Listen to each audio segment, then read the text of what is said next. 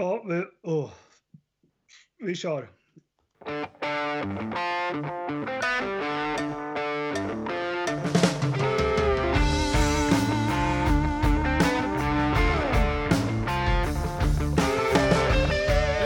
barn Vad ska du bli när du blir stor en dag? God morgon, god middag, god afton beroende på vilken tid ni lyssnar på det här svamlet till eh, Forza Motorsports avsnitt nummer 11. Hörrni ni. Eh, Vi firade inte riktigt att vi körde avsnitt nummer, att vi kom upp på tvåsiffrigt förra, förra avsnittet.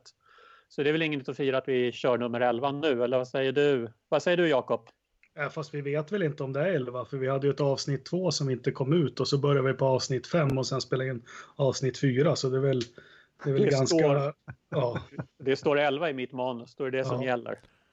Det är värt en fanfar. Ja, vi, vi, vi, kör, vi, kör in, vi kör in en sån i redigeringen. Sitter, sitter du fortfarande i Mälardalens Rostock, Jakob? Jajamän, Mälardalens Rostock. Eh, varmt. Eh, ja. Eh, Ja, från Sälen så ser jag här på Skype att både Anders och Ternström ser ut att vara i Stockholm. Hörru Ternström, har du lämnat skatteparadiset? Jag har lämnat skatteparadiset i Schweiz nu. Bilade hela vägen hem via Frankrike. Tog en sväng förbi eh, Spa-Francorchamps och eh, pressade vår Kia genom Mazda-kinken på sexans växel. Eh, fantastisk upplevelse. Nej, men jag kände jag behövde ha, jag behövde göra den där lilla avstickaren där. Det var, det var en mil ungefär som vi svängde av från motorvägen bara för att ja, få känna på lite racingatmosfär där. Så att, eh, Du, Ja, Ternström, du trevligt. vet väl att Jackie Stewart, han har ju alltid hävdat att Mazda-böjen är den hårigaste kurvan som någonsin har funnits. ja, men det var, det var precis det jag kände när jag körde igenom Ja. där. Det var, Ja.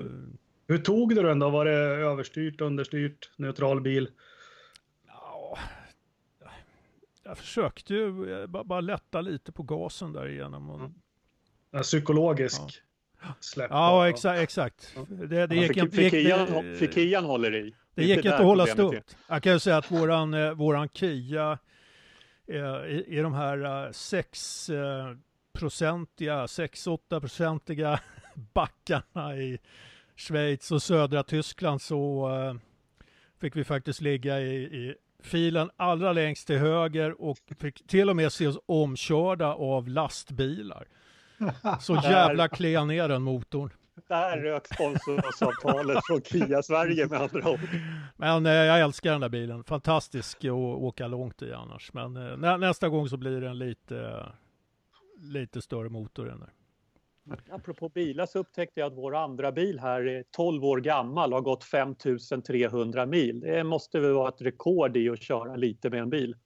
Hörru Ola, det är inget ställe, liksom, det är ingen köp och säljmarknad som vi håller på med. här. Det är faktiskt en motorsportpodcast. Nu har jag Okej. stor lust och, och, och faktiskt gör någonting för nu blir jag, jag ska ju alltid bräcka. Anders, medan jag, jag herregud. eventuellt gör någonting som 1900 ingen lyssnare får ta del av just nu och visa på någon bil i sitt garage så är du också i Stockholm. Ja, jag är i Stockholm, definitivt. Jag har inget garage och visar några bilar in riktigt ännu. Jag har köpt ett, ett dubbelgarage med tillhörande hus så därför har inte jag riktigt... Eh, jag, jag har visserligen firat eh, tvåsiffrigt hela veckan men eh, hållit på med annat här. Eh, så att, eh, men jag är hemma i Riksten och försöker att styla mitt hus inför visning. Hör du, eh, Jakob, vad var det du ville visa? Ditt kylskåp? Nej, en Renault Clio årsmodell 99 ägd av min mamma. Den har gått 3700 mil. Okej, Ja, men det är. Ja, vi, vi, vi, ja, okej, Men min, ja. Audi, min Audi A4 är inte till salu så att vi, vi skippar den då. Jag ska ge den här till Christian Horner sen. Han blir säkert jätteglad. Den verkar vara mer tillförlitlig än Renault-motorerna i, i, som man använder sig idag. Om den har gått 3000 mil så absolut. Det har ju ingen Renault-motor i Formel 1 Nej. någonsin gjort. Nej. Hörru Anders, har du lust att sammanfatta Ungens GP som du tyckte det var i en mening, kort och märgfull? Nej, det har jag inte. Därför jag hatar att sammanfatta ett helt lopp i en hel Men mening. du får utveckla det sen. Ja, jag vet. Det är därför de här programpunkterna. timmar. Men jag, jag, jag, jag får väl lov, att- eftersom du ber så snällt då, då, så får jag väl göra det i alla fall. Eh, jag sammanfattar Ungerns GP som att det var eh, eh, grattis till VMet Lewis och Mercedes. Ja, det, behöver inte ens, det behöver inte ens utvecklas någonting senare i avsnittet. Den, det, det bara ligger där, för det var ju precis så det var. Nu, nu, nu, tog, de, nu tog vann de VM. Så var det. med det? Grattis då, eller något. Ja, typ. Ternström. Ehm, jag skulle nog vilja sammanfatta Ungerns Grand Prix som ett lopp som bara kommer att kommas ihåg, om det överhuvudtaget kommer att kommas ihåg, av eh, fel anledning. Och den anledningen stavas Valtteri Bottas. I, eh, I övrigt eh, finns det ingenting minnesvärt i, i, i den tävlingen som var. Eh, ingen kommer att komma ihåg eh, det som hände i övrigt om eh, ett par, tre race. Det kommer att vara eh, bara ett, en svart fläck i minnet hos de flesta. Ja, då så. Jag tror inte vi behöver utveckla det mer men att vi snart... Hörru Jakob, du, du, du måste ju ha älskat Ungerns GP. Ja, jag kan sam- kvarn måste ha blivit så full av vatten så du inte kan hitta den längre. jag, jag, jag säger bara Valtteri Bottas. Vinnarskalle. Talang. Det var din mening det. Ja. Nej, jag, jag, har, jag har ingen mening. Jag tycker vi går in på... Jag tycker vi går in på, på huvudämnet. Vänta lite, du kräver av oss varsin mening, men du har ingen själv. jag, tappade min, jag tappade min mening. Inte så illa pinkat av en 32-åring i min mening. Jag tycker Okej. inte det var så himla tokigt lopp. Ja, Jag kommer bra. säkert ha glömt om två veckor, men jag tycker inte det var så himla tokigt lopp. Ja, då så. Mm. Ja, det är bra. Eh, För övrigt så hängde jag med ganska hyfsat i loppet. Däremot regnkvalet. Jag hade noll koll på vad som hände i det där jäkla regnkvalet. Så att jag, delvis för att jag satt och pysslade med annat samtidigt som jag såg kvalet. Men jag hade noll koll på det där regnkvalet. Det plötsligt så förare var ute, förare var, gick vidare och ja, Ricciardo var tolva. Ja, men, eh, eh jag hade full koll på det kvalet, som jag alltid har på alla kval. Och alla lopp naturligtvis. Men eh, jag gör aldrig något samtidigt. Nej, men det var, det var ju ett av de mer spännande kvalen i eh, år, måste jag säga. Det var eh, skiftande förutsättningar naturligtvis, vilket gör att eh, man, det gäller att vara med. Eh, det man kan säga var alltså anledningen till att Ricardo blev tolva. Jag vet inte, jag hörde någonstans att de hade helt enkelt dåligt med Ultra. Mm. För han var ju ute på soft där. Mm, ja, det, så långt hängde jag med. Ja, och eh, jag, när jag såg att han var den enda som var ute på soft så, så förstod jag inte varför. Men de, de ville helt enkelt att han skulle gå vidare ifrån Ja, var det Q2 nu då? Eh, på soft, vilket han alltså inte gjorde. Eh, så att, ja, han, han var kvar där på, på 12 platsen i alla fall. Ja, fan regnar det inte i Q2? Eh, Nej, var Q1 det regnade va, så torkade det upp igen i Q2. Nej. Nej, nu, Han var ute på, Nej, han var ute på soft. Ricciardo var ute på soft. Och det var Ja. i Q, Q1 eller Q2 som Ricciardo körde på soft. nej, det var Nej, kul. det regnar ju. Det börjar ju regna. De släppte ju inte ut Marcus. Sen började det regna mer och mer. Ja, fast det var Q2 det. Ja, vi pratar om Q2. Ja, precis. Alltså för, för grejen var det Och då var det då, Q1 han körde på soft. ja, Det var ju ännu mindre logiskt varför han inte gick vidare från Q2 om det var regn i det kvalet. Ja, men de hade han kvar i depån, precis Ja. som Marcus. nej, Nej. nej, han var ute. Där, där, för Marcus var nämligen eh, näst eh, sist ut. Vem var sist ut då?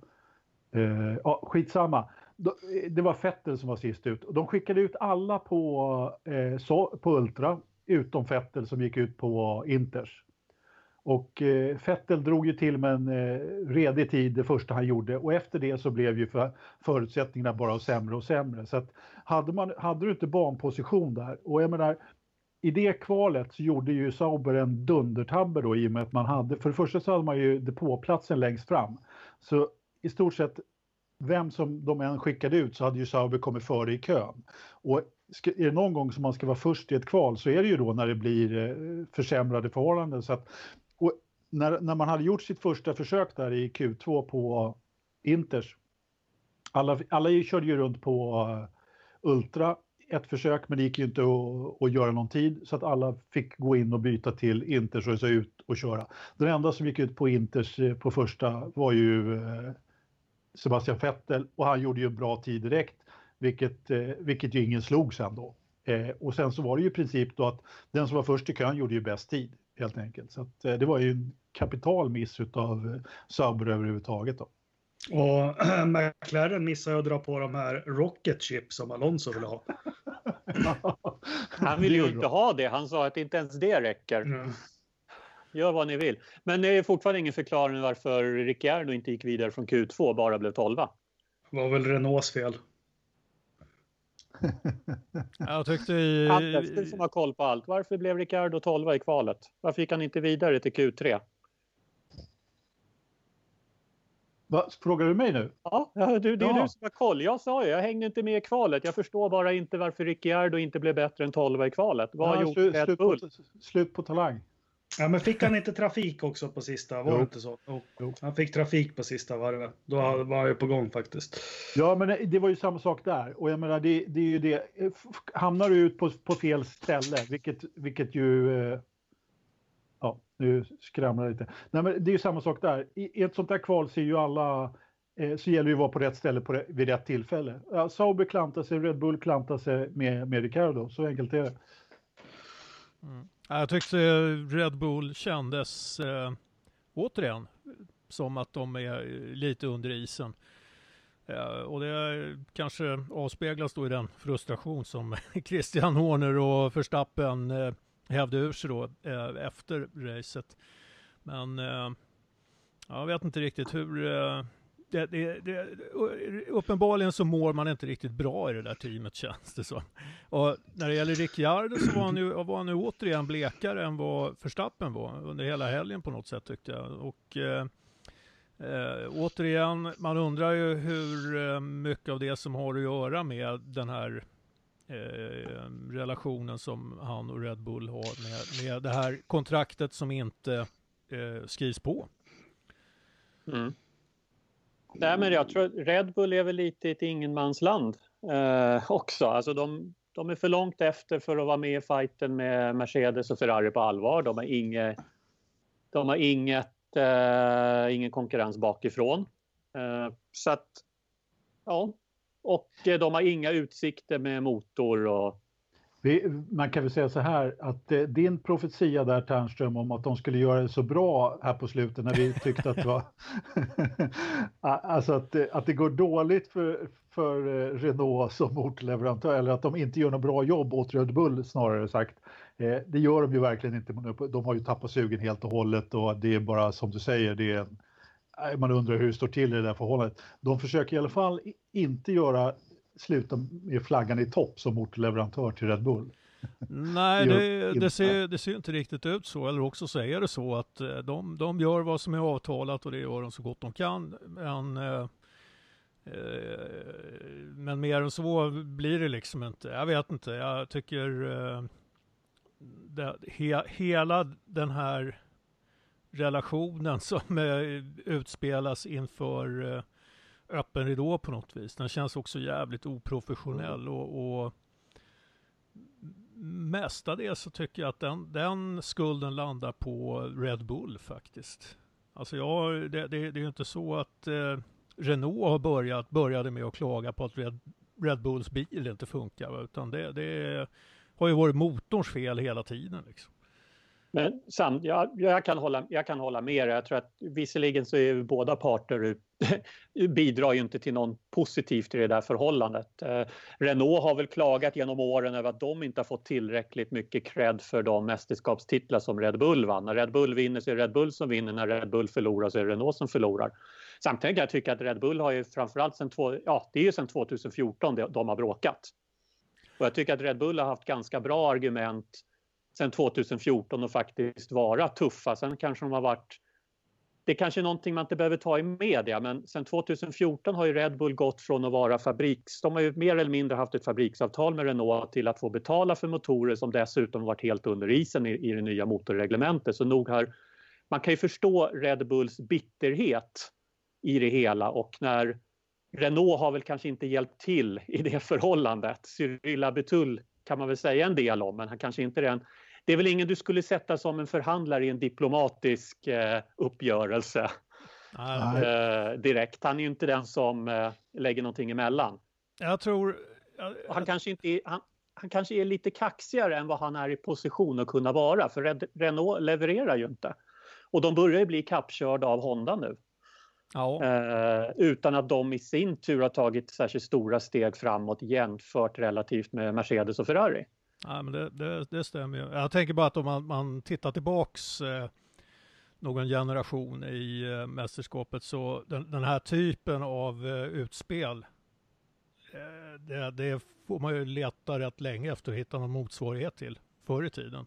Även fast det har varit så att team har varit missnöjda med motorer som har levererats och så vidare så har man, eh, man har bitit ihop liksom och någonstans insett att eh, Ja, det blir ju inte, det blir inte bättre om, om vi gnäller på varandra. Här, va? Antingen så biter man ihop eller också avslutar man relationen och börjar på en ny kula någonstans. Nej, men det är ju, McLaren var ju frust uppenbart frustrerade med Honda. Uh, det var ju ett minst lika dåligt förhållande som det är mellan Renault och Red Bull nu.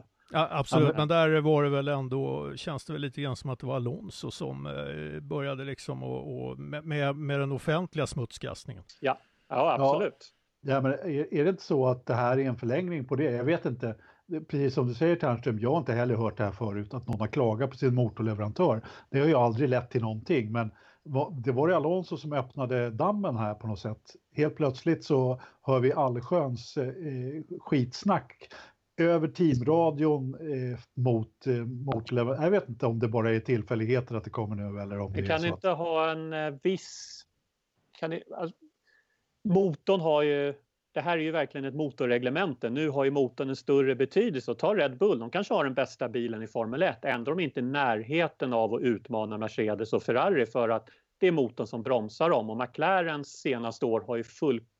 Även om vi kan se att McLaren har andra problem i sitt team än bara Honda-motorn så är det ju uppenbart att Honda-motorn varit den stora akilleshäl. Att det blir frustration över att en komponent som spelar en sån otroligt viktig del för det hela. Kanske, motorn kanske har en större betydelse än vad det haft tidigare. Och det inte funkar. Om man ser att det är två motorleverantörer som har ett sånt otroligt järngrepp om Formel 1 nu så har man inte de motorerna och i deras fabriksteam då, då, då är man chanslös och det blir en frustration som späder på det här. Mm. Eh, senast jag kan komma på det var stora motorskillnader när motorn var så betydelsefull, det var ju turboeran på 80-talet. Och på 80-talet hade vi ju inte den spridning i medier som vi har idag så att eh, det, det, kanske gnälldes mer internt inom depån men det fick aldrig en spridning ut till, ut till oss som det får idag. Mm. Nåväl, eh, frustration över motorer. Det blir intressant att se Red Bull nästa år med Honda hur, eh, hur snabbt det förhållandet antingen blir superbra eller fullkomlig katastrof. För det känns ju som att det finns ju bara två lägen där. Eh, när vi är inne på katastrofer. Valtteri Bottas. Det är väl mm. riktigt bara gå direkt in på det. Uh, Formel 1s egna wingman. Uh, kör han på Ferrari-bilar med flit eller är det bara intressant taktik eller inkompetens som för Mercedes egna personal sa för en vecka sedan när det omvända förhållandet rådde? Var, um, Ola? Han fick han inte fick han inte många stjärnor i boken va? Och Ola, jag föreslår att du lämnar över det här ämnet till vår Bottas-expert. Ja, Jakob. Du har, ja, du har laddat vi... upp för det här i tio avsnitt nu. Ja, nu, nu fick du vi... smashläge. Ska jag försöka vara lite professionell? Nej, men det jag har påstått i tio avsnitt och fick väl alla bevittna här nu. Uh, ja, men alltså, han är ju bedrövlig, alltså förutom det här loppet han gjorde. Om vi tittar på vad han har gjort sedan han kom till Mercedes, alltså hur många lopp har, har Louise vunnit och hur många lopp har, har Bottas vunnit? Uh, nu förstår jag, alltså det var så tydligt. Karn har ju inte, han har ju inte alla hemma. Uh, det lyser fast ingen är hemma. Uh, han har väl fått kritik här för att han inte är tillräckligt aggressiv och, och så vidare. Och alla som såg loppet här nu, det är ju alltid att hävda. Alltså för Vettel var det inget problem.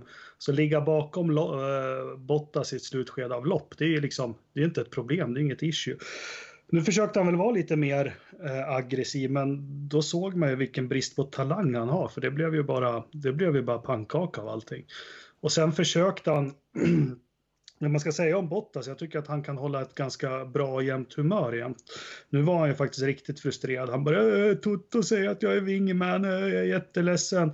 Och så börjar han hålla på och hävda att hopkörningen med Ricciardo, att ja, men han får skylla sig själv om man kör om på utsidan och så vidare och så vidare och så vidare. Uh, nej, uh, som jag alltid hävdar att jag tycker att det ska sitta någon med en helt annan kaliber i den där bilen än Valtteri Bottas.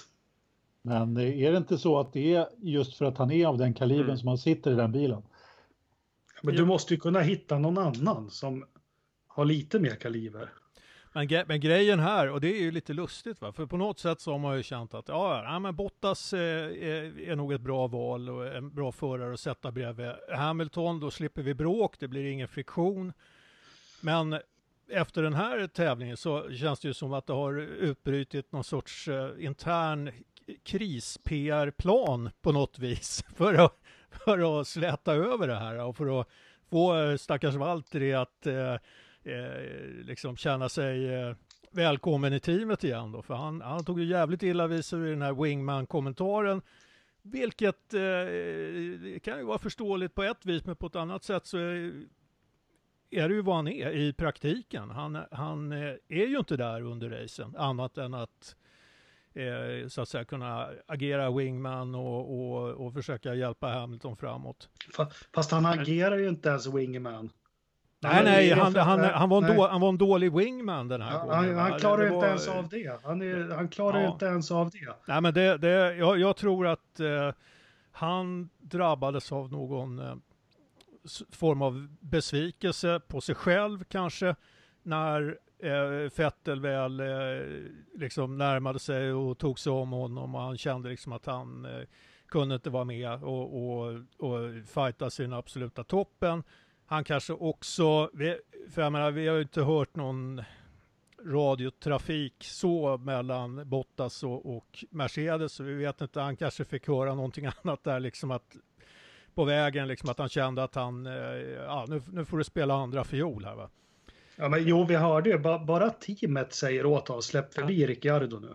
Det har jag aldrig varit med om att att någon säger innan det har kommit officiellt från Charlie Whiting eller någonting. Ja, men de, de, det var de, ju för att de ville undvika, ja, och de ville försöka undvika ja. det som var ett uppenbart straff. Att Val Valtteri skulle få ett straff för den manövern, ja. men om han släpper Ricciardo så kanske vi kan argumentera för att det inte blir en bestraffning för han gav ju tillbaka platsen. Och jag tror nämligen... Det är ju rent taktiskt. Jag tror att alla insåg att det här kommer att bli en bestraffning. Det är inget, vi kommer aldrig att kunna hävda något annat, men släpp förbi Ricciardo så har vi ett argument uppe hos domarna för att säga ja men hörde du, det, vi släppte ju tillbaks platsen så då har vi ju jämnat ut det hela så att då blir det ingen straff så är vårt nästa lopp räddat. Jag tror, men jag tror med Bottas att eh, det, det är ju alltid jobbigt när verkligheten och ens egna självbild inte riktigt lirar om man upptäcker det. Jag tror Bottas inte riktigt har fattat att han är den andra förare och att han får fortsatt kontrakt hos Mercedes för att han gör harmonin i teamet så bra.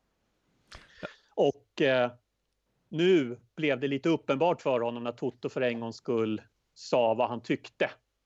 Eh, och sa sanningen som de sen fick gå ut och dementera. Ja, jag, jag, tror du har eh, helt rätt där. Det, det, var, det var självbilden som krackelerade där. Eh, men grejen var ju när det gällde eh, den här ordern att släppa förbi Ricciardo så tror jag att Mercedes såg ju också att Bottas kommer inte kunna hålla Ricciardo bakom sig. Så då var det ju precis lika bra att släppa Ricciardo mm. i det läget. Eh, I och med att man då hade det här eventuella domslutet som eh, eh skulle komma annars. Va? Eh, så att, eh, och, och, och, även där så kan man ju säga att där, där, där brann det ju huvudet på Bottas. Han var ju inte kall nog i det läget. Och sen när han dessutom eh, bromsar på sig så att han håller på att eh, förstöra Ricciardos eh, faktiskt väldigt fina avslutning på, på tävlingshelgen får man ju ändå säga. Mm. Ja, men det, mm. blev, det blev tok. Det, tror Nej, Bottas han... känner sig lite stressad, eller stressad. Jag tror att det blir jobbigt för honom när han kanske fått höra i teamet och han har fått höra vad teamet har sagt honom utåt att nej men det är förare på lika villkor men vi alla vet ju att det är inte förare på lika villkor. Hamilton är först i fiolen hos Mercedes precis som Vettel är hos Ferrari. Ja, och Kimi ja. har ju fattat att han är andra fiolen där. Han levererar precis som Bottas på en andra fiolnivå.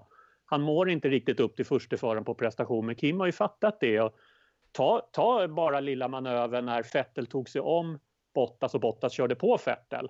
Det var ju upplagt för Kimmy att i alla fall kanske smita förbi Fettel där. Men det såg nästan ut som Kimmy höll tillbaka. Så, nej men jag är förbi Bottas nu också, jag ska inte ta mig förbi Fettel, jag lägger mig bakom här fast jag är snabbare Alltså Kimmy har ju fattat galoppen. Jag tror Bottas inte har fattat varför han har den platsen han har. Och det är ju så att det blir stressigt om man samtidigt får rullande ettårskontrakt och är andra fiol. För att andra förare finns det ju gott om.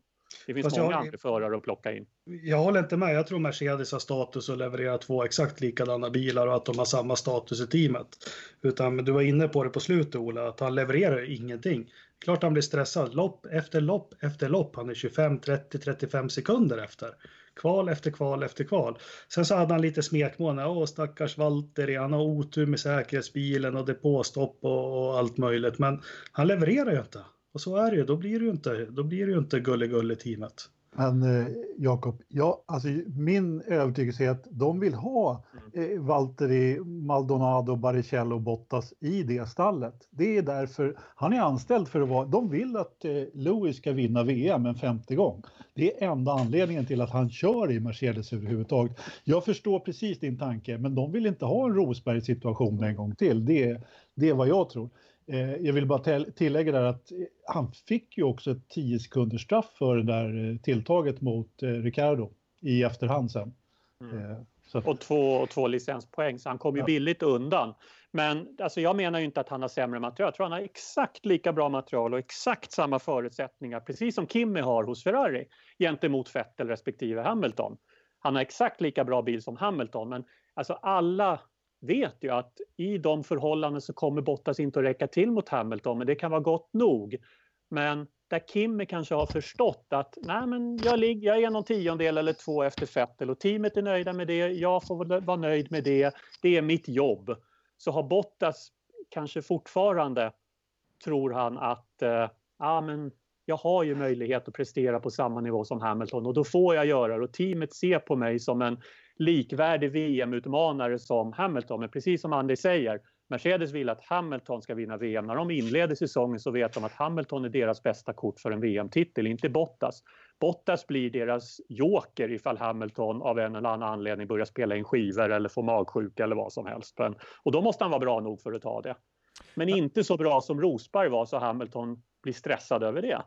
Ja, men jag, jag kommer att tänka på det också att eh, jag menar, Bottas såg hur det gick för Rosberg. Rosberg lyckades ju ändå matcha Hamilton mm. ganska bra och tillräckligt bra för att kunna ta en titel. Och det är ju självklart så att, att även Bottas känner liksom att fan det där, det där skulle jag också kunna göra. Det finns ju ingen racerförare som, som känner sig slagen på förhand. Va? Mm. Men eh, jag tror att eh, verkligheten kanske är en annan och att eh, det håller på att gå upp för honom nu och att, att det vi såg var ett, kanske ett tecken på det, att, att uh, han börjar inse att uh, det, det, här blir inte så jävla lätt för mig och att uh, upprepa det som Rosberg gjorde. Nej. Nej, men Bottas matchar ju inte Hamilton när Hamilton har en dålig dag. Det är ju då du ska Nej. vara där. Ja, absolut. Att, ja. Men det gör, ju inte, det gör ju inte Kimme heller, men mm. Kim är ju inte en dålig andra förare heller för det. Alltså när Vettel har en dålig dag så matchar ju inte Kimmy han är den där tiondelen efter i kvalet, en och en halv tiondel. Ja, men han körde, Kimi körde inte av i saxkurvan i blötan in i, rätt in i DHL. Eh, DHL-skylten. Eh, han sover i nio av tio race varje säsong. De det, det har han gjort, men å andra sidan så kan man kan ju säga vad man vill om Kimi. Jag, jag ser också att han är, är kanske inte riktigt lika vass som Vettel i dagsläget såklart. Men eh, Vettel har ju gjort ett och annat misstag och Kimi har ändå stått på pallen vad var det, fem lopp i rad va? Mm, precis. Ja, det är, inte, det är inte illa pinkat faktiskt. Jag, jag tycker väl att eh, Kimi uppfyller sin eh, roll bättre än vad kanske Bottas gör på något sätt.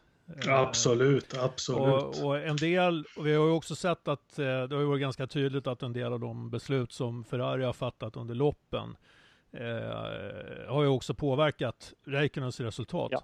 Jag tycker han har eh, faktiskt Alltså en del, en del eh, han får ju en del kritik ändå, Kimi, trots att han nu faktiskt eh, prenumererar på pallplatser. Och visst, han gör en del misstag. Han överkör eh, vid en del tillfällen, men jag måste ändå säga att jag ser honom hellre ladda på ordentligt. Alltså, han känns jävligt mycket mer inspirerad än vad han har gjort på länge. Alltså. Eh, så att jag, jag förlåter honom de misstagen. Jag hoppas att han slipar av dem. Skulle han göra det då och, och, och kan sätta ihop en hel racehelg utan de här misstagen, då är han ju fan en segerkandidat. Men jag håller med dig Ternström. Det, det, är helt klart så att eh, Kimi har, har ju ser vassare ut i år än vad han har gjort, gjort på länge och han har eh, verkligen eh, eh vad heter det, steppat upp liksom och kommit i närheten av eh, Fettel på ett helt annat sätt än vad han gjort, eh, gjort tidigare. Han, har precis sett och sovit liksom genom sig vissa lopp. Och, och men eh, eh Jakob, du skulle säga något. Jag glömde bort min poäng. Nej, men man, eh, alltså Kim är ju 39 år och Valtteri, han är ju bra mycket. De är ju precis i, i olika skeenden i, i, sina karriärer. Så absolut, skulle jag ha nummer två skulle jag anställa Kimmy direkt. Eh, Valtteri skulle inte ens vara med på, på radarn. Eh, när det gäller mig. Men det är lite intressant, vi var inne på det, eh, andra förare och misstag och sånt. Men återigen, eh, Bottas här nu, han kom ju efter Ferrari-bilarna nu senast. Men vi hade ju ett litet en diskussion om det eh, angående eh, Fettel. Det var lite intressant, jag fick lite vatten på min kran Ola när vi pratade om Fettel och hans misstag. De hade BBC i senaste podden faktiskt räknat på och tittat på. Att sen 2017 är ju Fettel den förare som har gjort flest misstag av alla på griden. Fem stycken ganska ödesdigra. Sen kanske de är små som du tycker, men de har i alla fall... Ja, ja, mitt argument var inte att Vettel inte har gjort misstag. Han gjorde ett par grova misstag under 2017 som kostade honom en VM-titel som han hade kunnat ta. Mm. Så vår diskussion handlar ju snarare om att hur, hur, man värderar misstaget i sig i Tyskland och den diskussionen behöver vi inte kanske ta igen. Jag säger inte att det inte var ett misstag av Vettel, jag säger bara att det var ett litet misstag som väldigt många andra inom F1 också sagt själva misstaget var lite. Men som Vettel själv sa, otroligt dyrbart och alltså, Jag kan inte släppa det där. Då måste någon säga, vi säger Tysklands Grand Prix, Grand Prix nu. Vad skulle ett stort misstag varit? Köra på Hamilton bakom säkerhetsbilen för att man är arg och vill ge honom fingret också. Ah, det är ett stort misstag. Det är ett, stort, det är ett misstag. Ja. Att bromsa på sig i vätan, det kan hända vem som helst. Men som sagt, vi har haft den diskussionen. Ja. Vi kommer inte bli mer överens i den här podden som i förra podden. Nej, men den är intressant i alla fall med tanke på andra förare och Hamilton. Jag tycker fortfarande Hamilton gör ju faktiskt inga misstag. Nej. Uh, Vettel, jag tycker han är darrig. Uh, Valtteri har faktiskt ingenting i Formel 1 att göra längre. Och Kimmy får ett år till. Men alltså, eh, även om Hamilton inte gör några direkta misstag så har han haft en del race där jag tycker att han eh, har haft svårt att hitta farten. Mm. Där han har letat efter farten under racen. Det har jag sett som hans eh, svaga punkt snarare än att han gör, gör rena misstag. Nu har han nu haft lite flyt och kunnat reparera en del av det där. Eh, men eh, om det är något som eh, som, eh, som han kommer att missa VM-titeln på så är, är det nog den typen av, av eh, racehelger där han av någon anledning inte hittar rätt. Men är inte det signifikativt för en, en riktig mästare? Att man även på en dålig dag, när, när, när man har allt emot sig så vinner man eller tar en andra plats. Ab liksom... ab absolut, han har, han har ju ändå inte förivrat sig i de lägena eller börjat Nej. överköra eller gjort Nej. en massa jävla dumheter utan han, han har eh, han, han, har, han har liksom kört på och eh, plockat de poäng som han kunde plocka vid de tillfällena. Han har min, minimerat skadeverkningarna. Ja, men precis min poäng. Liksom. Han, han gör allting rätt även när han inte är på topp. Han, han eh, kvalar 14 för att Mercedesen går sönder, han förivrar sig inte i loppet och, och håller sig kall och vinner, eh, vinner ändå. Jag menar, det gör man inte om man inte är en riktigt vass eh, chaufför, så enkelt är det. Hamiltons svaghet är ju snarare när han blir satt under en del press, inte på banan, men i säsongen i helhet. Då Alltså det var ju där Nico Rosberg hittade nyckeln in, kanske för att han känner Lewis Hamilton som väl efter så många år. Att han hittar nyckeln in, hur ska han sätta press på Hamilton? Och det var ju, det, det var ju bland annat det som gav Rosberg titeln. Det, det, gav i alla fall Rosberg möjlighet att sätta sig i en position att när en motor gick för Hamilton, då var Rosberg där direkt och när Hamilton skulle försöka köra tillbaks där var Rosberg tillräckligt snabb för att kunna hålla honom bakom sig om han tog pool Men framförallt det är väl det mentala. När, när Hamilton, som jag upplever, han, man ser inte Hamilton göra några direkta misstag på Nej. banan. Men man ser honom göra misstag och inte hitta farten för att han blir satt under en press internt eller från yttre omständigheter som påverkar honom och ja, då börjar han darra. Ja men precis, det är ju, det är ju där som eh, Bottas inte levererar överhuvudtaget när Hamilton är satt under press och gör de här misstagen. Mm. Det, det, var bara en liten grej som jag, som jag fastnade på där i Bottas-träsket eh, överhuvudtaget när han gjorde sina misstag. Han gjorde ju ett par rejält snabba varv där precis när eh, Vettel var i depå och eh, de missade ju depåstoppet i Ferrari. Ferrari har ju varit rätt duktiga på både depåstopp och strategier här och, och knäppt Mercedes på näsan. Men nu gjorde man både en strategimiss för Vettel, tog in honom för sent så han fick en massa varvningar och skit. Och det, som jag ser det i alla fall, eh, kanske inte alla som gör det då, men, men, i mitt tycke så tog de in honom alldeles för sent. Han, ja. han torskade liksom 10 sekunder nästan på, på bara några varv där, en massa varvningar i Ungern. Och sen så tappar man två sekunder i depåstoppet och de två sekunderna gjorde ju i stort sett att Bottas körde förbi mm. eh, Vettel. Hur hade det sett ut om Bottas hade kommit ut bakom Vettel? Jag menar, hade han hållit Ricardo då? Det tror jag att han hade kunnat gjort. Då hade han inte behövt överstressa sina dess. Men det är ju spekulation, skitsamma. Om och men, men jag håller med dig. Ferrari tog in Vettel lite för sent för de, de var ju länge i Bottas depåfönster. Men eh, de såg väl samtidigt att han är Bottas depåfönster och samtidigt så är han tillräckligt så att han kanske kan ha den där extra sekunden eller två så att han kan komma ut och köra ikapp Hamilton sen på fräschare däck. Och ju längre de drar depåstoppet desto färre varv har han på ultrasoften på slutet. Men det är en svår balansgång. Ferrari ja. tog de drog det lite för länge. Jag tror att det är lätt hänt i de situationerna. Ja. Men... Nej, men eh, de har varit klockrena mm. i sina mm. depåstrategier eh, tidigare år. Så det, det, eller, ja, man får väl se. Det var ju andra som gjorde rätt bra lopp i eh, Ungern, eh, förare skulle jag säga i alla fall. Eh, kan vi inte prata om dem lite grann? Till exempel, eh, vad heter han nu då? Tofflan? Stofflan? Var det inte bara...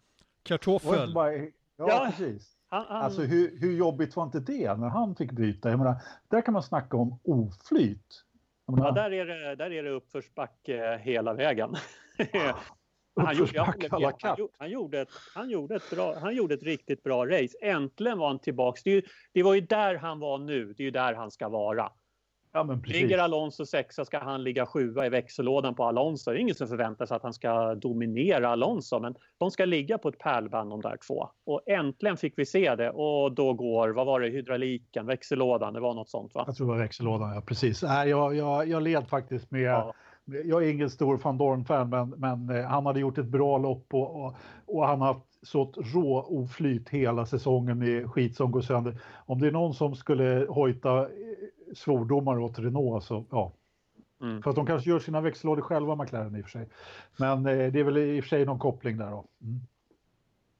Nej, men han har, han har haft det tufft. Det som jag tycker är lite intressant när vi har pratat konspirationsteorier tidigare är väl att Alonso själv har lanserat konspirationsteorin. Nu är ju inte det en konspirationsteori, men att det är någonting som inte stämmer med van Dorns bil. Det är alltså så svårkörd som den har sett ut att vara sista loppen så är det någonting som är fel på hans chassi, säger Alonso. Och så får den ett nytt chassi.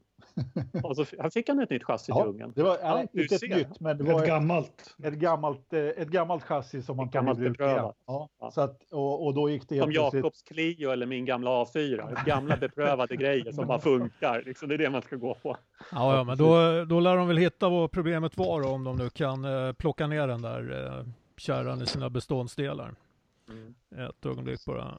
Du, eh, när ni håller på att mixtra med era lurar och sådär och sladdar så låter det jävligt mycket. Ja, okej. Okay. Försök att undvika ja. det.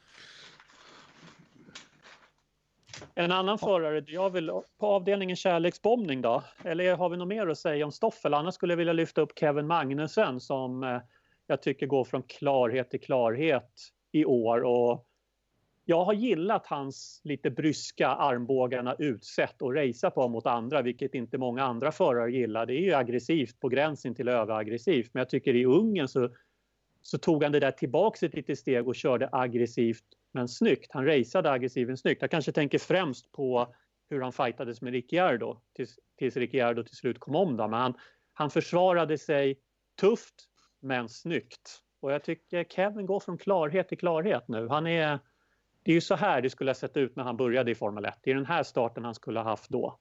Absolut. Jag kan inte annat än hålla med. Jag tror, eh, alltså han är ett av de ett av de här starkaste namnen, det är, det är Kevin tillsammans med Hulkenberg som jag känner är de starkaste förarna utöver, eh, ja, kan, kan väl räkna upp dem. Det, det är Alonso, Hamilton, Vettel. Mm. Eh, så håller jag nog Hulken och och Magnusen eh, därefter då. Eh, sen, sen har Intressant jag... att du inte nämner Red Bull-förarna. Förstappen, Ricciardo är ju inte... Ja, för, förlåt, för Förstappen ja. Eh, och, och Ricciardo sen så ska vi väl kanske eh, ja, vi får kanske nämna Leclerc i sam, sammanhanget, även om han är något av ett oprövat kort så tror jag mm. att han i framtiden kommer att vara med där uppe. Men det, det, det där har vi toppen liksom av, av gräddan av eh, F1-förarna då känner jag. Och Magnusson och Hulkenberg, de, eh, de, eh, hör dit på något sätt tycker jag. Mm. Ja, men jag, kan, jag håller också med naturligtvis. Alltså, jag tycker väl inte att eh, han är att han har gjort en del tvivelaktiga manövrar i år. Eh, vår gode Magnusen, men ah, hans körning i Ungern var väl inte så där överdrivet fult mot Ricardo. Det, det, var, ju, det var ju ingen eh, trullig varning, det var det ju inte. Liksom, han, så, han, så han gjorde såna här riktigt fula grejer, utan äh, jag tycker att det var verkligen bra. Nej, det har jag sagt förut i den här podden flera gånger. Han har en stadigt uppåtgående kurva. Mm. Han, gör han, han fortsätter att leverera stadigt. Det var, han hade en ett loppsvacka Eh, och, men fortfarande så kvarar han ut eh, Grosjean. Även fast Grosjean inte klagar på bromsarna längre och har fått bilen dit han tycker så, så städar han ju banan i Ungern faktiskt med Grosjean. Mm. På ett eller annat sätt. Så att, äh, det, han, gör det, han gör det helg på helg. Alltså det är inte bara ja. att de har en jämnt och så sticker Kevin. Kevin, Kevin har ju städat av Grosjean ordentligt ja. i år. Ja, nu har ju Grosjean haft en jättejobbig inledning, men nu, nu när Grosjean har fått ordning på grejerna så, så fortfarande så är det ju så att Kevin, ja, men det är klart att rent över fart så är det väl förmodligen så att Grosjean, han är ju inte ia snabbare än vad, vad Kevin är eh, på ett kvalvarv här och där liksom. Men ändå så är Kevin före honom i loppen och, och mm. gör bättre lopp än vad Grosjean gör. Så att, ja, det är en enorm styrka skulle jag säga. Mm. Ja, har vi någon annan? Eh, vad säger vi om vårt svensk, vår svenska förare, Marcus? Eh, hans Ungern-helg. Var det, var det bra eller dåligt eller var det lite som det brukar eller vad, vad ska vi sätta för tankar på Marcus nu inför sommaruppehållet? Ja, eh, ja, ska man summera säsongen som de har varit hittills så kan man ju bara säga att eh, det, det här räcker inte. Men det kanske det gör ändå, men då är det av andra skäl än, än, en eh, ren eh, prestation då från, eh, från Marcus del. Det finns ju som bekant inte pengar som backar upp honom. Men jag tycker den här helgen var jättesvår. Jag är egentligen lika ovillig att ge honom någon jättekritik efter den här helgen som jag var villig att ge honom och hylla honom efter Tyskland.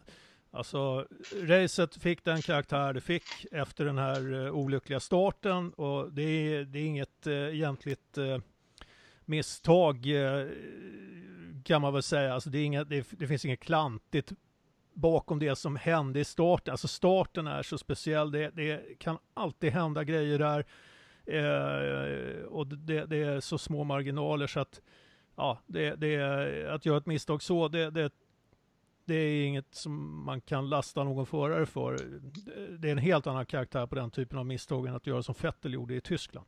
Men eh, eh, sen, sen gjorde han ju ett ganska segt race efter att han blev inkallad i depå väldigt tidigt. Och eh, eh man kan väl säga så här att han eh, imponerade ju inte med varvtiderna så långt. Jag hade väl hoppats att det hade funnits någon förklaring Eh, eh, från Marcus och teamets sida att eh, bilen kanske hade blivit skadad i, i den där initiala smällen. Men det är inga, inga sådana uppgifter har framkommit. Så att, ah, jag tycker det var, var en ganska eh, beige insats, eh, men som kanske ändå inte är, är något egentligt kvitto på var han står någonstans.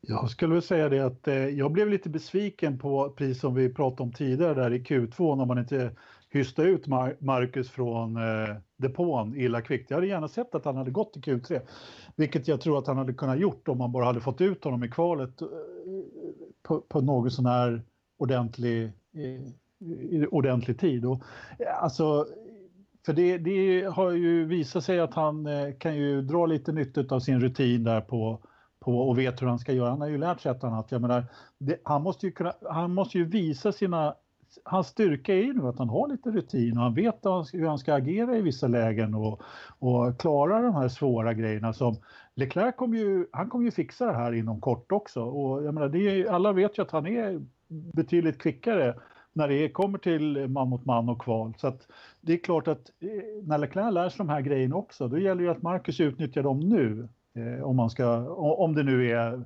Eh, Eh, liksom grejerna och, och slå Leclerc. I vilket fall som helst så tycker väl jag att eh, han, han att hans kval där, han gjorde det ju bra trots allt eh, i och, med, och, och lyckades eh, eh, kvala sig till en 14 plats. Sen i starten, visst, han blev intryckt av van Dorn var det väl som kom farande på utsidan, så han blev intryckt i Ricardo. Eh, det är ju en, trots allt en del utav alltihopa och Marcus är ju rätt måste man säga, han, han har ett ganska bra track record av att hålla sig utif- utan problem i starterna. Det är en av hans bättre grejer. Samtidigt så är det väl så att han kanske inte alltid är den som tjänar så mycket i starten för att han är ganska försiktig. Och visst, visst är det så att eh, det är en startkrasch, eller krasch, en påkörning och, och eh, han eh, efter det så när eh, Förstappens bil gick sönder och så så gick de i depå och la på hard. Och jag kan väl inte tycka egentligen att det var något felaktigt beslut egentligen på det sättet utan eftersom han låg sist då och köra på, på Ultra, det var väl ingen jättegrej egentligen att försöka ändra på den strategin överhuvudtaget.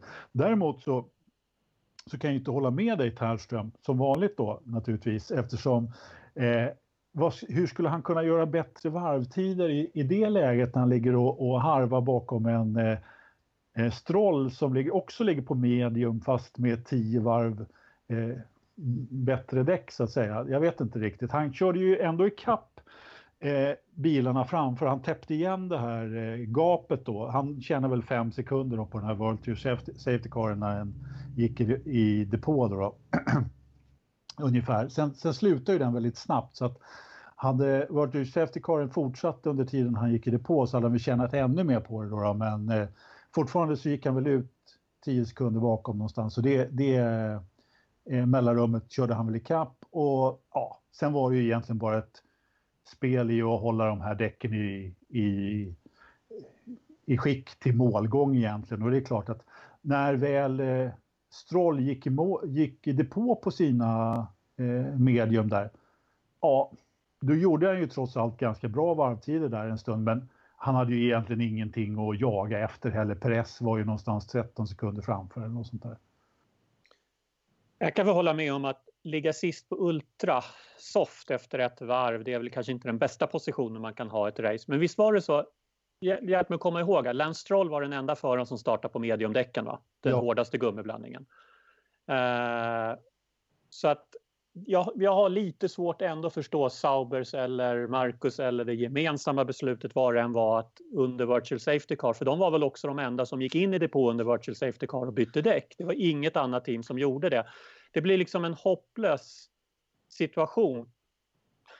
Det, det, kanske, det kanske inte går att chansa. I det läget så vad man än gör så blir det fel. Stanna ute på Ultra och inte komma förbi Stroll för att eh, Mercedes, eller Williams-bilen är snabb rakt fram och kass i övrigt det är inte bra. Ja, jag, ja, jag rättar mig väl själv till att jag kan inte riktigt heller kritisera Saubers beslut, även om jag kan tycka att det, inte, var inte det optimala. Och det var inte optimala för Marcus heller. Jag menar, det pajade ju hans race. Efter det så satt han ju där han satt. Det är ju inte i Ungern eller Monaco du vill ligga bakom en Williams-bil på likadana däck eller sämre däck. För du kommer inte att komma om. Ja, jag kan eh, tänka mig att man eh, resonerar på det här viset att eh, racet var kört när han eh, ändå hade hamnat sist. Och om man då kunde lägga honom på en strategi där han inte behövde byta däck igen så kunde man ju möjligen tjäna in ett depåstopp eller tjäna in positioner när de andra eventuellt skulle göra ett depåstopp om en eh, säkerhetsbil skulle komma ut eller någonting sånt. Alltså det var bara en ren gambling. Den enda lilla chans man egentligen hade. Förmodligen så var det helt, enkelt, helt enkelt så och det är, det är det läget som Sauber också har varit i många andra lopp när man har inte haft farten. Nu har man ju trots allt farten för att kanske eh, åtminstone vara i paritet med Force India-bilarna i Ungern då i alla fall. Eh, och nu, nu hade man ju inte den banpositionen överhuvudtaget. Så att... Jag tyckte det var... Jo, men helt klart. Sauber har ju farten, vilket är en anledning till att Ternström ska virka en bonad här fram till vinteruppehållet också. Så är det ju. Och är då är det klar än? Nej, men det, det, det är inte Sauber som har blivit bättre. Det är de andra som har blivit sämre. Okej. Okay. Men då är det ju extra viktigt, och det har vi varit inne på, att Leclerc kvalar in den där bilen någonstans där den har farten, vilket gör att Sauber kan ju ta rätt beslut på Leclercs bil. De kan ta det beslutet som alla andra team tar också, att det här är det bästa, snabbaste sättet att genomföra loppet på, kan de göra på Leclercs beslut. Och kvalar han in nia så kommer han att racea till sig nionde position. Man behöver inte chansa och ta så himla konstiga beslut och där blir det ju så superviktigt för Marcus att, att kvala bättre för att när han kvalar nere 14, 15, 16, 17 plats, då sitter Sauber med en bil som kan mycket mer, men som startar alldeles för dåligt på grund av att föraren inte var snabb nog i kvalet. Och då sitter man inte med något annat läge. Och är föraren inte snabb nog i kvalet och han är inte snabb nog i racet heller rent varvtidsmässigt, då måste man ge honom några andra förutsättningar för att lyckas ifall något speciellt extraordinärt händer i loppet och då måste man ta in honom. så Marcus sätter sig själv i ett läge där Sauber tvingas kanske chansa mer på besluten för honom. Ja, och det är inte bra det... och det gör ju loppen ännu sämre för honom. Ja, men så kan det vara. Så det är en ond spiral. Ja, men så kan det vara definitivt att eh, han behöver kvala bättre för att få bättre förutsättningar i loppet i, i just Ungern så, så skulle inte jag vilja skylla Marcus då för, för den dåliga kvalpositionen utan Absolut, jag tror att han hade kval, kvalat bättre. Sen tror jag också att eh, vissa förare är bättre på att kvala än andra. Vissa förare har bättre racecraft och, och kan köra upp sig genom loppen. Eh, Marcus har en del, han kan köra bra i lopp och göra bra varvtider. Han, jag skulle vilja säga att ni påstår ju att han inte riktigt eh, kan göra de varvtiderna. Jag hävdar med en dåres envishet att han kan göra det. Men jag, jag har ett, ett annat litet problem med Marcus eh, och det är att han inte riktigt kommer om de förarna som han ska komma Exakt. om. Det, det, är där hans problem är. Det är, inte, det är inte varvtider. Han kan hålla fart, hålla eh, vet du, fart i däcken eh, och, och, så att de räcker länge och han kan hålla bra varvtider när han gör det. Men han kommer inte om en Ocon när han behöver göra det. Han kommer inte om en Stroll när han behöver göra det. Och det gör till exempel jag menar Alonso då som ligger och harvar på, på de här eh, sista platserna. Han kommer ju alltid om när han behöver göra det. Det gör inte Marcus och det är där hans problematik ligger skulle jag säga. Om man eh, kollar på, eh, alltså Alonso kvalar ju inte så in i helvete mycket bättre. Men eh, han eh, racear ju så jävla Exakt. mycket bättre alltså och, och håller ju då eh, varvtider som är bra mycket bättre även om man kör på samma däck som, eh, som Marcus. Så att jag tror att jag, jag, tror som sagt, och det, det var jag inne på förra gången, jag tror att Marcus måste hitta fart både i kval och i race. Och då menar du att med fart i race, jag kan väl hålla med Anders om att Marcus kan köra bra varvtider i race och kanske relativt motståndet så är han lite närmre motståndet i race än man kan vara över ett kvalvarv. Men en del av racecraften är ju, är ju också att ta sig om bilar om man kan köra på bättre varvtider. Och ja, det, det kanske är där också det haltar lite och då är det ännu viktigare att man kvalar den där bilen där den har potential att racea om man har lite svårt att köra sig upp genom fältet. Ja, men det, så är det ju definitivt. Eh, då, då, behöver man ju vara en kvalare om man inte kan köra om. Och Marcus, han, han varken kvalar eller är speciellt duktig på att ta, ta sig upp. Däremot så kan han göra, hålla liv i däcken och göra bra. Och bra bra sportvagnsförare. Ja, precis. Och det är, ja, men det är, det är få tillfällen där, där de, loppen utkristalliserar sig så. Sen, sen håller, håller ju, tycker jag då att han gjorde en bra eh, Eh, ett bra lopp i Tyskland. Eh, där han liksom höll sig kall och, och gjorde saker och ting rätt och fick utdelning för det. Men skitsamma. Eh, vad jag skulle komma till var väl egentligen en annan förare som har lite liknande tendenser eh, som Marcus, på, på, så, som också finns på griden, som idag kvalade, gick till Q3 och kvalade väldigt bra, men som ändå inte fick med sig en poäng från Ungern. Eh, Brandon Hartley. Han har liksom liknande, mm. eh, en liknande setup om vi säger så. Med, med betydligt mindre erfarenhet kan, ah. kan, kan vi säga då. Men, men eh, jag tycker ändå Hartley har haft en jävla tuff eh, inledning på säsongen. Och eh, får ju också känna av den här eh, pressen som man, eh, man gör om man, om man tillhör eh, Red Bulls förarprogram. Nu tycker jag ändå att han har, har eh, gjort två rätt hyggliga insatser. Alltså han, han har börjat visa lite av, av eh, det man kan förvänta sig av honom. Han har lite kvar att lyfta sig. Mm. Eh, det är fortfarande så att Ga Gasly presterar bättre när han presterar som, som bäst. Det, riktigt, ja, men, det, där har inte Hartley kommit. Gasly var ju också en av Ungerns, tycker jag, en av stjärnorna i Ungern. Det, han var en jättestjärna. Ja, absolut. Ja. Och kanske, och kanske om man då ska eh, eh, vad ska man säga, koppla det till Marcus också. Det visar eh, vad en kvalposition betyder. Det är mm. inte nödvändigtvis så att, att uh, Toro Rosson egentligen går så in i helskotta mycket snabbare än Saubern. Men kvalar man bra så, så kan man bestämma sitt eget race på ett annat sätt. Och det är ja. först när, när Marcus gör det som vi egentligen kommer att få ett kvitto på hur han står sig eh, även under race, hur, hur hans race-pace står sig.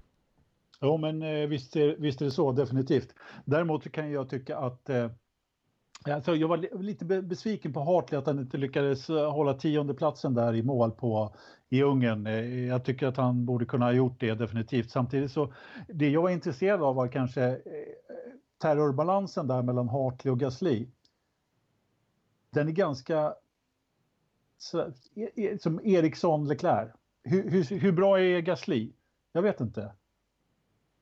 Nej, alltså, just nu kan man väl bara bedöma Gasly som Leclerc. Att, eh, wow, en ung lovande talang som faktiskt kom in och levererade ganska snabbt i Formel 1 som har varit duktig i juniorkategorierna och eh, redan efter något race eller två i F1 visar att eh, den kompetensen följde med in i F1 också. De var mogna att ta sig an F1. Sen hur de utvecklas på sikt, det är omöjligt att säga någonting om. Uh, uh, men det ser ju väldigt lovande ut. Mm. Pro problemet där... Sen håller jag med om maktbalansen, men en skillnad i maktbalansen är att Hartley är ju starkt pressad av sitt team också. Jag menar, det är ju mer eller mindre bestämt att han fortsätter inte efter den här säsongen.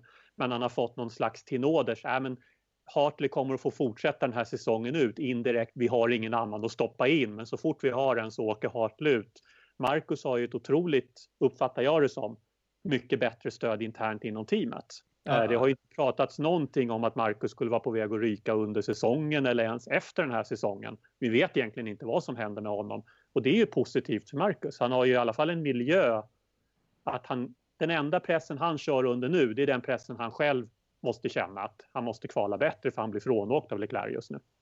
Nu, eh, nu, nu kan väl jag känna att det, det, är lite svårt och om man ska jämföra Gasly och Leclerc så känner jag väl att eh, Hartley är ju inte en lika god värdemätare som Marcus är. Egentligen. Ja. Alltså Hartley är ett betydligt mer oprövat kort. Men eh, man ska prata lite Leclerc så, så eh, tycker jag att eh, han såg ju inte riktigt lika vass ut den här helgen på, på träningarna. Han eh, var ju långsammare, eh, visst var han långsammare på FP3 va? Än vad Nej. Marcus var, eller då, då var han snabbare? Han, var, han körde inte FP1, han var långsammare mm. på FP2, FP2, men snabbare på FP3. Ja, okej. Okay. Eh, Ja, nej men det, det kändes inte, och det, det här, det är väl kanske mer teamet då, att man hade inte den här riktiga speeden på i Ungern, alltså som man har haft på en del av de andra banorna. Mm. Nej, det ska nej. bli intressant att se hur den här Ferrari-motorn eh, funkar på Spa och Monza kan jag känna. Det ska bli, jag vet, jag vet, inte heller, jag har inte läst, det, det, kanske ni har gjort. Vad var det som fick Leclerc att bryta? Han fick ju en rejäl tryckare utav båda, eller åtminstone en Force India. Han blev ju liksom tryckt i sidan där, om det var någon kylare som gick eller vad det var. Jag vet inte. Har ni det har jag faktiskt det har jag missat också eh, i allt efterspel från Ungern. Det var inte så mycket efterspel. Att, vad det var som gjorde att Leclerc bröt, det har jag inte riktigt sett någonstans. Eh, har ni något klokt att säga? Jag ska se om jag kan hitta någon information samtidigt. Mm, ja, jag, har inte, jag har faktiskt inte sett någonting heller. Men, eh, det här var väl tredje poänglösa racet i rad för, eh, för Leclerc. Mm. Ja, men han kanske är nya Alesi, man vet aldrig.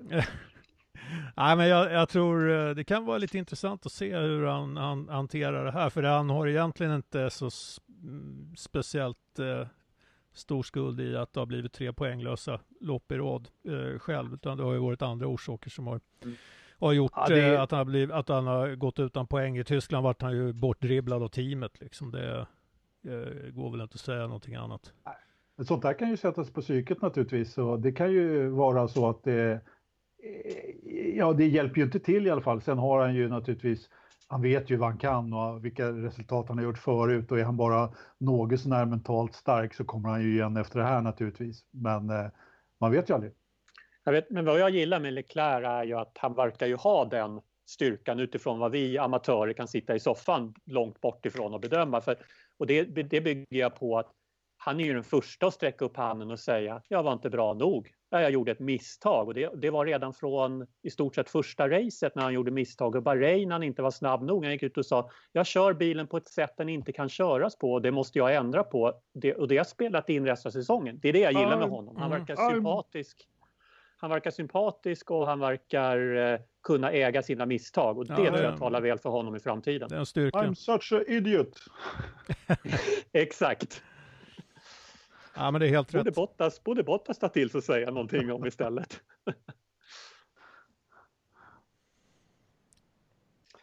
ja, har vi något mer från Ungerns GP? Eh, jag tyckte som sagt att det var ett ganska kul lopp trots allt. Det hände ju inte så mycket uppe i absoluta toppen, men jag tyckte det var kul att se Fettels kamp mot eh, Bottas depåfönster hur Ferrari skulle få till den där strategin som de inte fick till och nere i mittfältet var det ganska bra fighter. Återigen, bra racing, det var omkörningar och det är väl min sammanfattning av Ungern. Jag tycker inte det var så himla pjåkigt.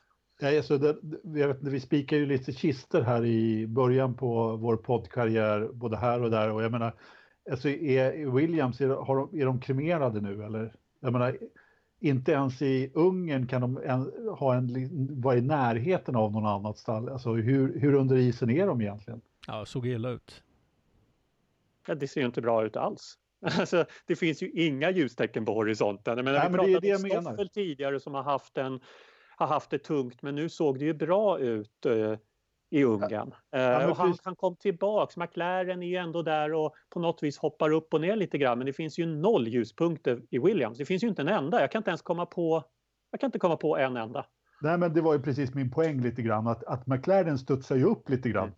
Medan när det gäller Williams, nej, det finns inte överhuvudtaget. Det, de, de är så nere i träsket så att det, det går inte överhuvudtaget. Det de kan hoppas på är väl att Claire tar lite mammaledigt här snart så det blir lite ordning där. Nej, men det börjar mer och mer elaka tungor eller om det är vänliga tungor som säger att all, allt problem är ju ledarskap i Williams. Så, eh, jag lyssnade på en intervju med henne nu i helgen som jag undrar vad pappa Frank och, och de här gamla gardet, hon sa eh, apropå att köpa växellådor och, och bakljus och upphängningar från Mercedes, if you can't beat them, join them. Och det är väl inte i Williams DNA, för de ska väl tillverka allting själva och satt en stolthet i det. Ja, men det... Nej, men DNA är så sjukt så det har fullt av tumörer så att det inte funkar längre, vilket väl är fallet med Williams. Då måste du kanske gå in och göra någon kirurgisk åtgärd. Och jag, är, jag, jag, jag gillar ju att jag gillar att Williams har stått fast vid att de ska vara konstruktör, att de vill att för, teamen ska fortsätta vara oberoende konstruktörer, men det håller ju inte längre. Men när du kan ta med dig det ner i graven och säga att ja, vi var i alla fall oberoende konstruktörer, men faktum kvarstår, du är nere i graven. Williams räddning menar jag är nog tyvärr det som F1 går mot. A och B-team med eh, några A-team som har B-team som, som kunder, precis som DTM blev. Och det är ingen bra utveckling i sig, men ska man ta på sig företagsledarkepsen hos William så måste man ju se sanningen i vitögat och konstatera att, att vi blir ett rent, rakt igenom HAS-kundteam till Mercedes och gör HAS-spåret som Haas har gjort med Ferrari. Det skulle ju få oss att överleva och vi skulle kunna ligga och ta poäng, sjätte, sjunde platser hela tiden och vi skulle må bra och vi skulle fortsätta finnas som F1-team tills F1s konstruktion, till strukturen i F1 förhoppningsvis framtiden ändras så att man kan vara mer oberoende igen. Men det är inte säkert att Williams är kvar då, om de fortsätter så här.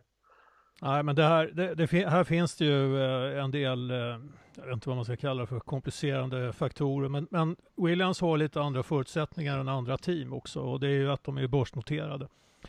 Och eh, man har ett helt annat ansvar gentemot sina aktieägare mm. i det läget. Och som det har varit nu då så har ju så har det varit lite grann så att, att eh, av de två grenar som verksamheten vilar på, eh, F1-verksamheten är ju den ena, eh, så har man ju den andra där man eh, designar, designar alla möjliga eh, tekniska eh, apparater. Allt, allt från, från delar till till eldriven racing, till små konstiga vaggor eller vad tusan det är som man kan transportera bebisar i. Mm. så har ju den lite grann fått subventionera F1-verksamheten. Och någonstans så börjar man ju ställa sig frågan från eh, ägarhåll naturligtvis. Eh, varf, varf, be, behöver, behöver den här eh, ingenjörsdelen, den, den delen som tillverkar alla, alla de här andra grejerna som går så bra, behöver den verkligen F1-delen på något vis?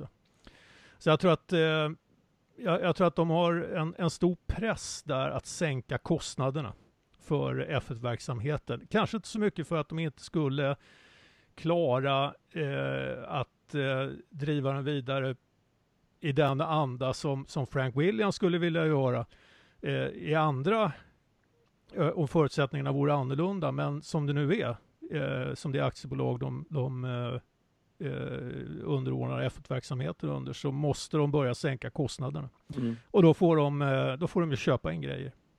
Mm. Ja, nej, det är kanske den. Det leder oss in till ett annat team som har om vi pratar om kist, kistan är spikad och kremerad så är det ju ett team, så jag vet inte vad man ska säga om Force India då. Där, och där händer det ju grejer nu inför, inför helgen med att de inte gick i konkurs, vilket brukar sägas, utan de har hamnat under en förvaltare. Ja, i administration. Och reda ut skulderna, ja. ja precis. Och försöka hitta en ny köpare eller reda ut de skulder de har. Eh, Visst är det svenska ordet rekonstruktion som man gör i Sverige? Va? Jag måste bara få reda på det. är det närmsta till ja, ja. administration som Force India jag har förstått det fungerar lite annorlunda än rekonstruktion men absolut det är, det är den närmsta svenska motsvarigheten i att Force India är en rekonstruktion nu då. Uh, ja, snacka om ett team, ett annat team som är där är de ju jätteilla ute, där dit Williams kanske hamnar om ett, nu, nu håller jag med Ternström, Williams har lite andra förutsättningar som kommer nog aldrig hamna i administration. Där är det snarare att aktieägarna kliver in och säger vi, vi tar bort den verksamheten som inte funkar, det vill säga F1-teamet och driver vidare resten. Force India har ju inget sånt ben att stå på. Så vad tror vi om, eh, vad tror ja, men... om framtiden för Force India då? Ja, men det är ju naturligtvis jättesvårt. Eh, de två var... senaste teamen, får jag bara flika in, de två senaste teamen som hamnade i den här situationen var Caterham och Marussia och eh, vi vet ju hur det gick för dem. Ingen ville köpa eländet och de slog igen portarna. Den, den, stör, den största risken här är ju att eh, teamet blir ett offer för det här politiska rävspelet som, yes. eh, som försiggår mm. inom Formel 1. Va? Därför att varje, varje team utgör en röst i, i maktspelet om hur F1 ska utformas och se ut i, eh, i framtiden. Och, och det, det, är ju självklart så att Mercedes är ju intresserade av att Force India ska leva vidare och att man har en viss kontroll över det teamet. Samtidigt så finns det ju många andra aktörer som eh, inte är intresserade av att Mercedes ska stärka sin ställning ja. i Formel 1. Ja, där finns det ju, när, när Sauber bytte ägare eh, så seglades ju deras röst igenom och fortsätta behålla sin plats på griden så att säga och prispengar. Den seglades igenom och för den röstningen tror jag det bara krävs en majoritet av teamen. Men i alla fall, jag kommer faktiskt inte ihåg hur det var där, men det seglade igenom. Men Force India, första röstningen har inte gått igenom, det vill säga där krävdes ett enhälligt beslut att eh, Force India med nya ägare ska få behålla de prispengar som Force India har kört till sig de senaste säsongerna men inte fått utbetalade än. Och där var det McLaren, Williams och Renault som av olika skäl röstade emot det. Eh, vad jag förstått så Williams, de röstade emot det för de vill inte att Mercedes i det här fallet, Mercedes och Ferrari ska få ett ännu starkare grepp om sporten, vilket man befarar är sant ifall Toto Wolff skulle köpa Force India för en spottstyver och ha som ett Mercedes B-team. Det är väl lite samma bana McLaren är inne på. Det sägs ju också att McLaren är rätt brända av när de för sportens bästa godkände att eh, GP skulle få Merca-motorer i sin tid. Vilket slutade med att Braun GP körde ifrån allihopa med Merca-motorerna och sen dessutom såldes till Mercedes och eh, i förlängningen gjorde att McLaren blev av med sitt fabrikskontrakt från Mercedes. Eh, och Renault är väl Renault höll jag på att säga. De, eh, men de har väl lite samma farhågor. De vill inte ge, för, ge ännu mer makt än vad som redan finns hos Mercedes och Ferrari. Ja, men jag är övertygad om att, eh, övertygad, tråkigt nog, att Force India, de kommer, de kommer offras. Precis som ni är inne på. All. Eh, det kommer fram lite detaljer, jag satt och läste lite igår kväll, eh, att det verkar inte vara så enkelt för någon att komma in och rädda det här eller köpa upp det med tanke på det ni sa. Det är mycket mm. politik emellan. Så tyvärr så tror jag att de blir offrade. Eller tyvärr, vad fan, det är väl kurs 1A, det är väl att hålla ihop det ekonomiskt för guds skull. Det måste vara absolut, måste vara absolut liksom viktigaste först, få ekonomi som håller. Jo men så är det ju. Du, ja. Spenderar du mer än vad du får in så, så, så, blir det ju så här till slut. Och det kan ju inte skyllas någon annan än de som har drivit teamet. Vilket kanske speglas tillbaks till Williams om att eh, eh, om de har alla sina problem kanske bara skulle bli ett kundteam och bedriva det mer kostnadseffektivt och ekonomiskt. Men är inte eh. problemet att han är VJ? Han vill väl ha tillbaka en massa pengar också. Jag, jag, jag blir inte klok på riktigt hur han har ställt till det ekonomiskt för sig själv. Men som jag har förstått så har han pumpat in pengar i det här stallet. Och han är jäkligt ivrig på att få tillbaka så mycket pengar som möjligt här nu va? Ja, men det, de har det, en där... miljard i obetalda skulder. Det kommer att ta lång tid innan han får tillbaka sina investeringar när först en miljard ska betalas av i skulder eller göras upp i någon ackordsuppgörelse med leverantörerna. Där ja. Perez och Mercedes verkar vara några av de största. Jo, men jag tror inte han är intresserad av att ge bort teamet. Han kanske inte har något val. Eh, var det Nej, inte så att det blir... Gini var tvungen att ge bort teamet till Renault Mm, mot att Renault tog över skulderna i teamet. Alltså Precis, det, men det... då fick ju Renault, Renault fick inte bara ta över skulderna, de fick ju ta över prispengar också. Mm. Problemet här är väl lite grann att Vijay Malja, han eh, vill gärna ställa sig i kön av fordringsägare. Ja, precis. Det och, det, och det är ju inte riktigt, eh, som jag förstår det så, så är väl inte det riktigt Eh, Eh, jag, jag, vet inte om han har eh, något eh, underlag egentligen för att göra det. Alltså han, han har ju, det är skillnad på att vara en av investorerna i, i teamet, vara en av ägarna eh, och att, eh, att vara en leverantör till, till teamet som, som har en fordran på teamet. Så att, men jag vet inte riktigt hur det kommer att gå med det där. Som jag har förstått det så har han nog inga större utsikter att Eh, kunna agera fordringsägare till, till sig själv i detta läge. Men man, man, man, kan ju, man kan ju leka med tanken att det är lättare att köpa teamet när det nu styrs av en förvaltare än av, av Malja själv. För att förvaltarens uppgift är ju nu att se till att rädda det här företaget, göra ett, en uppgörelse med leverantörerna och hitta en köpare till det för att undvika en konkurs. Ja, så det är mycket tydligare ja, än vad det är för även, du, kan även, du kan ju även i rekonstruktion så kan du ge tillbaka företaget till de som är ägare, vad du städar upp. Uh, det händer ju i Sverige titt som tätt. Uh, särskilt med idrottsföreningar hamnar ju väldigt ofta i, i rekonstruktion. Det, det som eh, händer nu, eh, alltså under den här typen av eh, rekonstruktion, i, i, Sverige när man genomför en rekonstruktion så, så kan ju verksamhet, en verksamhet drivas vidare med hjälp av, av lönegarantier och, och sådana saker. Jag vet inte hur det här fungerar, för det här teamet är ju baserat i England, eh, eh förstår jag. Och, eh, Eh, jag vet inte hur det ser ut under hur lång tid man, man eh, kan driva ett företag i rekonstruktion med hjälp av lönegarantier och sådant. Sen är det ju så att man, jag menar om, om man nu ska Eh, om man nu behöver ha leveranser av olika slag så gäller det ju att kunna betala för dem också. Och, eh, Absolut. Och, så, så att det, det, det, de lever nog väldigt, väldigt farligt. Den tid som de kan eh, överleva under administration är, är nog kanske inte så lång. Och det man ska tänka på är ju att det finns ju en mängd personal här som naturligtvis är attraktiv för, eh, för andra team också. Va? Så att eh, det, det, det, kan bli svårt för dem att behålla, behålla teamet. Hur kom, Pere... ja, ursäkta Joakim. Eh, hur kom Perez in i det här? Vad har han för fordringar? Eh, hans... Obetalda löner. Eller motsvarande löner och ersättningar. Eh, teamet är skyldig honom 35 miljoner. Ja, pundigt av honom att skriva, ja ja. Uh, ja, men jag tänker, jag kommer ja, ihåg... Så, alla förare i F1 oavsett om de har sponsorer med sig till teamet eller inte har ju en ersättning från teamet. Nej, nej, nej, nej, nej, nej, jo, nej, nej, nej, Jag läste jo. bara senast där Damon Hills bok när han, när han skrev, ja men, men det, det var för 20 år sedan Jakob. Idag är det ju så att även Marcus Eriksson har en ersättning. Vem betalar Alonsos lön i Ferrari? Det var inte Ferrari.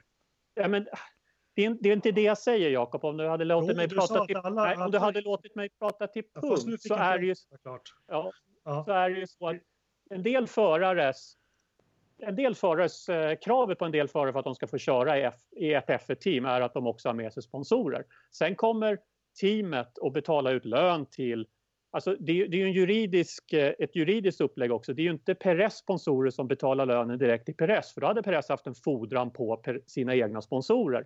Utan han kommer med en knippe finansiärer till teamet och säger jag vill köra, jag vill ha de här pengarna av er för att köra. Självklart kommer en stor del av de pengarna, eller för att inte säga alla, från de sponsorer han själv har med sig. Men det är så de här uppläggen funkar och ser ut. Ja, jag håller nog inte med. Så, var det, så var det även för så var det jag menar Marcus har ju en lön från, eh, från Sauber som jag förstått det. Eller en ersättning från Sauber. Men som jag har förstått, om jag får prata nu, vilket jag börjar med, det är att Alonso, det var Santander som betalade. Det var, han stod inte på Ferraris lönelista, han stod på Santanders. Eh, Ferrari historiskt så har de stått på Philip Morris lönelista, inte på, på, på Ferraris. Och återigen Damon Hill då, han var ju nervös över Eddie Jordan, vilket jag förstod, så han, han förhandlade ju löner med Benson Hedge. Uh, jag tror inte det här, det är därför jag blir lite fundersam på det här med, med Perez. Jag tror inte jag tror inte det är så vanligt om du kommer med mycket sponsorer att du ger alla pengar till stallet och sen får de skära emellan på lönen.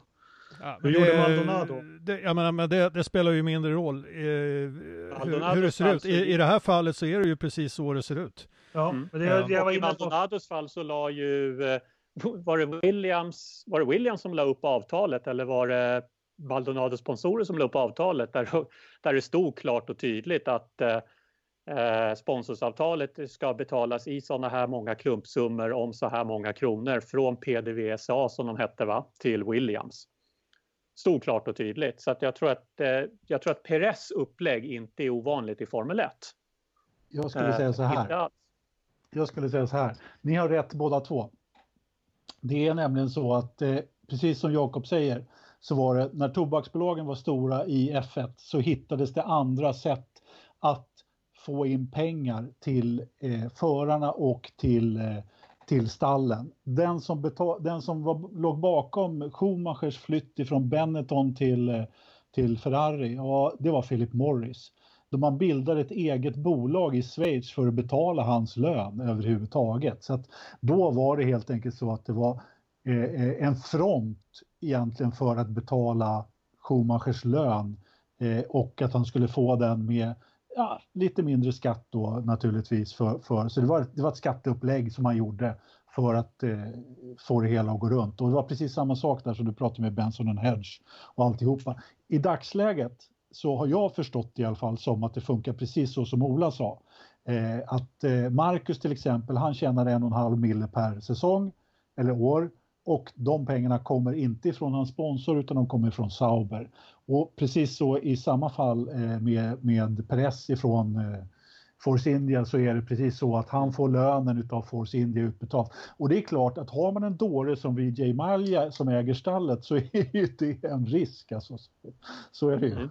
Mm. Jag tycker det är så otroligt klantigt av Perez när det är sådana enorma pengar det handlar om. Ja. Eh, Som, ska han ha 40 miljoner i årslön kommer det fram här nu då. Eh, Jag skulle ju personligen aldrig vilja att den gick genom Force India för de har ju haft dålig ekonomi sedan dag ett.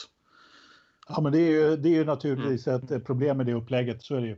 Ja, det är det ett problem som visar sig nu när ett team står på branten till att försvinna. Då blir, då blir även betalförare, som vi så populärt kallar dem för, fordringsägare på teamet för de har inte fått utbetalt sin lön. Precis som att Charlie Häggstam inte fick sin lön utbetald i Caterham när han jobbade där. Mm. Men om Perez spelar sina kort rätt nu så kan hans fordran på Force India vara värd så in i helvete Mm. mycket mer. Eh, Absolut. beroende på hur det här faller ut. Så att, eh, ja, det, det kanske visar sig att det var en jävligt bra grej i slutändan.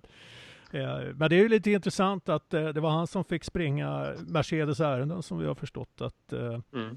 att begära Force India i administration eftersom Mercedes inte vill framstå som så småsinta utåt. Att de begärde ett F-team i, i, i administrationen.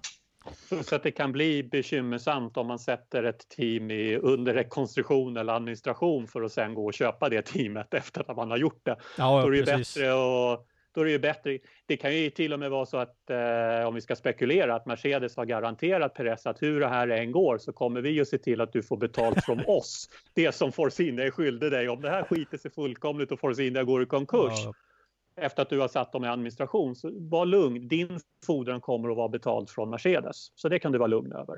det, det, här, det här slutar med att Perez har ett eget F-team snart.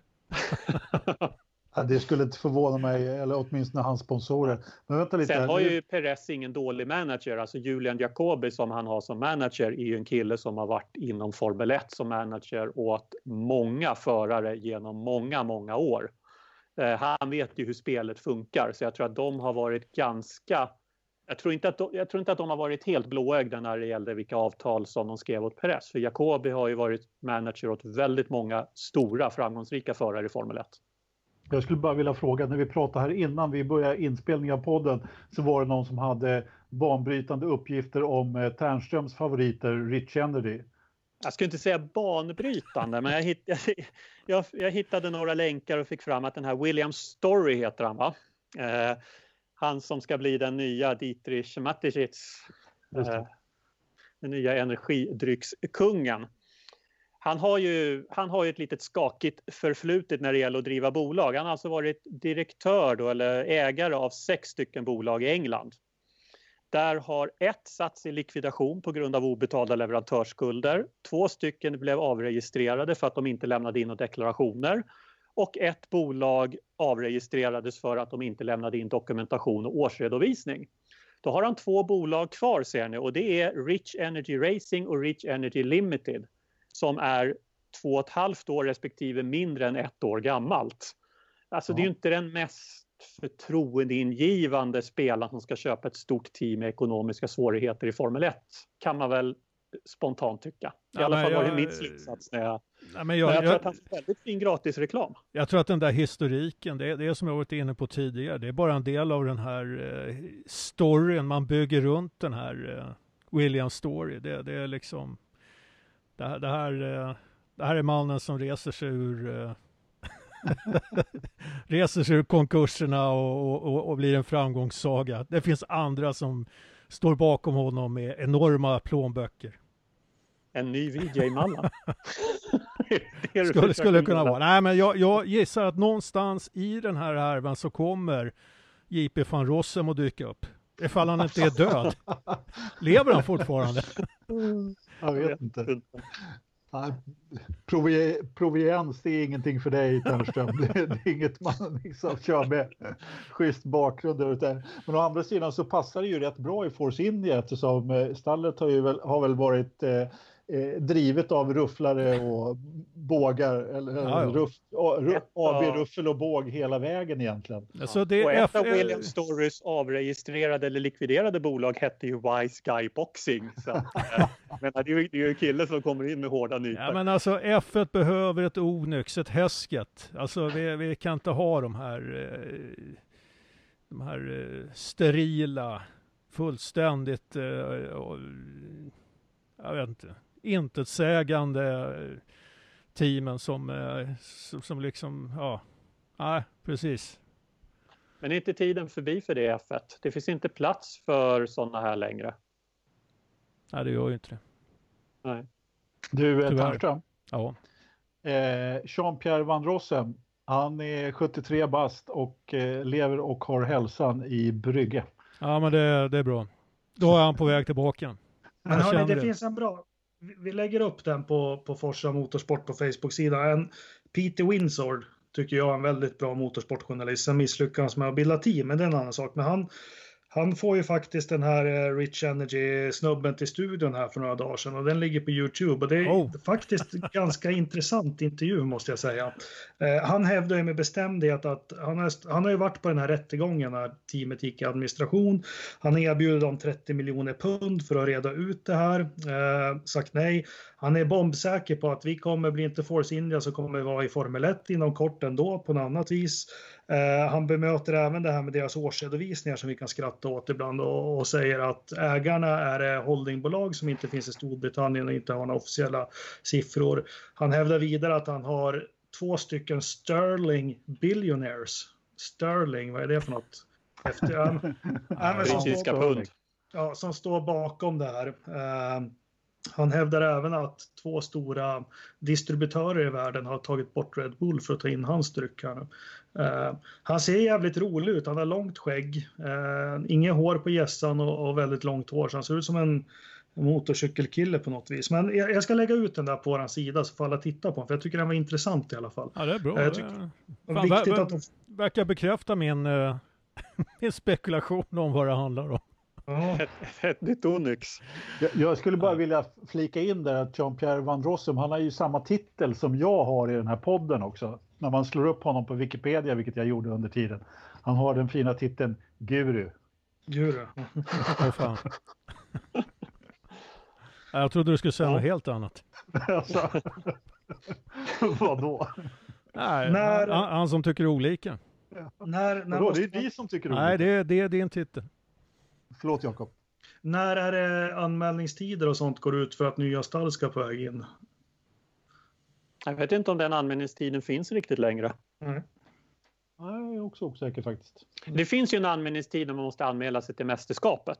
Eh, det gör det. Eh, den är jag inte säker på, men jag tror att den där är ganska flytande. Jag tror att eh, med bara tio team kvar varav ett satt under förvaltning eller administration nu så tror jag att man är väldigt flexibel på att släppa in ett team. Problemet där är väl att det återigen kräver ett majoritets eller till och med ett enhälligt godkännande från de andra teamen. Eh, och det, ju, det, det har vi ju redan sett att det är det är ju det där politiska spelet som kan fälla de mest välvilliga eh, personerna att ta in ett F1-team. Ja, men vi får väl se vad som händer med Force India då. Eh, Ja, spännande. Men det, vi kommer allt närmare den här ödesdagen med nio team på, på griden. Ja, det ser vi inte framåt. Stroll, är han helt ur räkningen på Force India? Det hörde jag också en spekulation att han kommer inte gå in som ägare, men han kommer nog pytsa in ganska bra med deg. Jo, jag, jag tror nog inte man ska räkna ut honom i bilden Nej. på ett eller annat sätt. Men nu har ju kommit fram att det är lite Toto Wolff som är marionetten bakom det hela och drar i, drar i trådarna. Men vänta lite, alltså han eh, Lafitti, han är väl också inblandad där? La, Kan, Latifi. kan, ja, Latifi, precis. Kan, kan inte de eh, slås ihop de där kanadensarna eller är de som hund och katt eller? Jag vet inte. Då kan de ju vet köpa inte. det där. Men eh, har inte Lati, Lati, Latifi köpt tillräckligt av McLaren för att vill han köpa sig in i ännu mer Ja, intressen i Formel Men har 1-världen? han köpt eh, McLaren? Ja, det har han Inte kanske. men- teamet va, men det, han köpte väl in sin rätt stor post i automotivbolaget. Ja, okej. Mm. Ja, eh, för Latifi, han, han sitter väl som eh, utvecklingsförare i Force India, va? Mm. Jag inte är helt ute och cyklar. Ja, Kastar väl in Chuck där för att köra i så fall. Eh, Jacques ska köra rallycross-VM igen. Jacques Lafitti. Ja, Chuck Lafitte, ja. Jacques Lafitte, ja. Jag tänkte på den gode Villeneuve. Ja. Men hörde ni, ska vi gå på veckans Verstappen? Du tänkte på Eh, veckans Bottas? Be, behövs det verkligen? Ja, jag, jag har nomineringar. Det kanske Ja. vi inte ens vill höra. Låt höra. Ja, Vi har ju då Valtteri Bottas. Eh, för att han kraschar in i två förare som kört om honom och sen blir sårad över, no över något vi alla vet och ser i sanningen. Eh, nominerat Renault för att de är så duktiga på att bygga motorer. Eh, nominerat Horner och Verstappen tillsammans för att de tar upp det självklara om Renaults inkompetens. Eh, sen nominerade jag Toto Wolf också för att han är Toto Wolf och eh, Force India för hur situationen i det teamet ser ut. Jag tänkte att jag skulle ge lite motiv, eller motivation till att ta någon annan än Bottas. Men, ja, ja. ja, men även då säger jag så här och nu, nu, kommer jag, nu ska vi Alltså det är så uppenbart att sätta Bottas på den här så jag gör inte det. Jag måste faktiskt, jag har ju en livsmedikus här med mig och det är Ternström men han får nog bli veckans förstappen för han har spikat kistor och lagt upp heliga kort i slakt här i början och jag har njutit men nu har han varit väldigt ängslig här sista tre, fyra avsnitten så oh, Ternström, oh. vakna. Spika med ja, kistet vad i helvete. Jag menar, alltså, jag, det känns som att verkligheten springer om mig på något vis. Va? Så att jag hinner inte riktigt med att slå i de där spikarna och kistorna mm. förrän folk själva har lagt sig i graven som Force India och, och, och allting annat. Va? Men jag, jag, ska, jag, sak, jag, saknar dem. Ja, jag ska, jag ska göra ett försök. Eh, semestern är slut och eh, nu, nu, har jag en möjlighet att komma ifatt och jag ska även försöka komma förbi till eh, nästa gång. Min eh, veckans förstappen, det blir det får bli, det är relaterat till Bottas, men det är Mercedes, eh, Toto Wolf, Hamiltons eh, eh, försök till att släta över den här relationen med, med Bottas. Att eh, stackars Bottas är så kränkt efter att ha blivit kallad wingman. Då, nu kommer alla möjliga pressreleaser och uttalanden och, och allt möjligt. Va? Det är eh, fan patetiskt. Det är min förstappen. Mm. Ja, Ternström, det är inte lätt att vara rebell när man är 50 plus. jag, jag, jag håller med dig. Ja, men eh, eftersom ni har tagit två andra veckans förstappen än Bottas, jag, jag, är, jag säger förstappen, eller jag säger förstappen, jag säger Bottas veckans, veckans, veckans Bottas är förstappen. Ola, ja. ordet eh, till dig. Jag nominerar lite grann samma spår som Ternström. Jag nominerar Mercedes för att eh, just nu vad de än säger så får de gå ut med en rättelse om att det var inte så vi menade när vi sa det vi sa som vi menade. Eh, även nu i helgen. Vi menar ju inte att Bottas är wingman när vi säger att han är wingman. Eh, så jag nominerar Mercedes för lång och trogen tjänst för att komma med uttalanden och hela tiden få backa på och ställa till det för sig själva. Sen kan ja. de få en liten för att de försöker styra över hela Formel 1 nu. Nu har de gett, nu har de gett sig in i Formel E eller kommer ge sig in. De lämnar DTM. Nu ska de göra F1 i sin lekstuga och kontrollera team till höger och vänster och upp och ner. Så att eh, Mercedes får bli veckans förstappen rent generellt. Varför vart han så jävla känslig, Bottas, över det där? Alltså det är väl inte så finskt? Skulle Kimmy brytt sig? Skulle Mika brytt sig? Skulle mm. Keke Rosberg brytt sig om någon sa wingman? Ska han bara sit på dig? Det är precis det som Ola sa tidigare.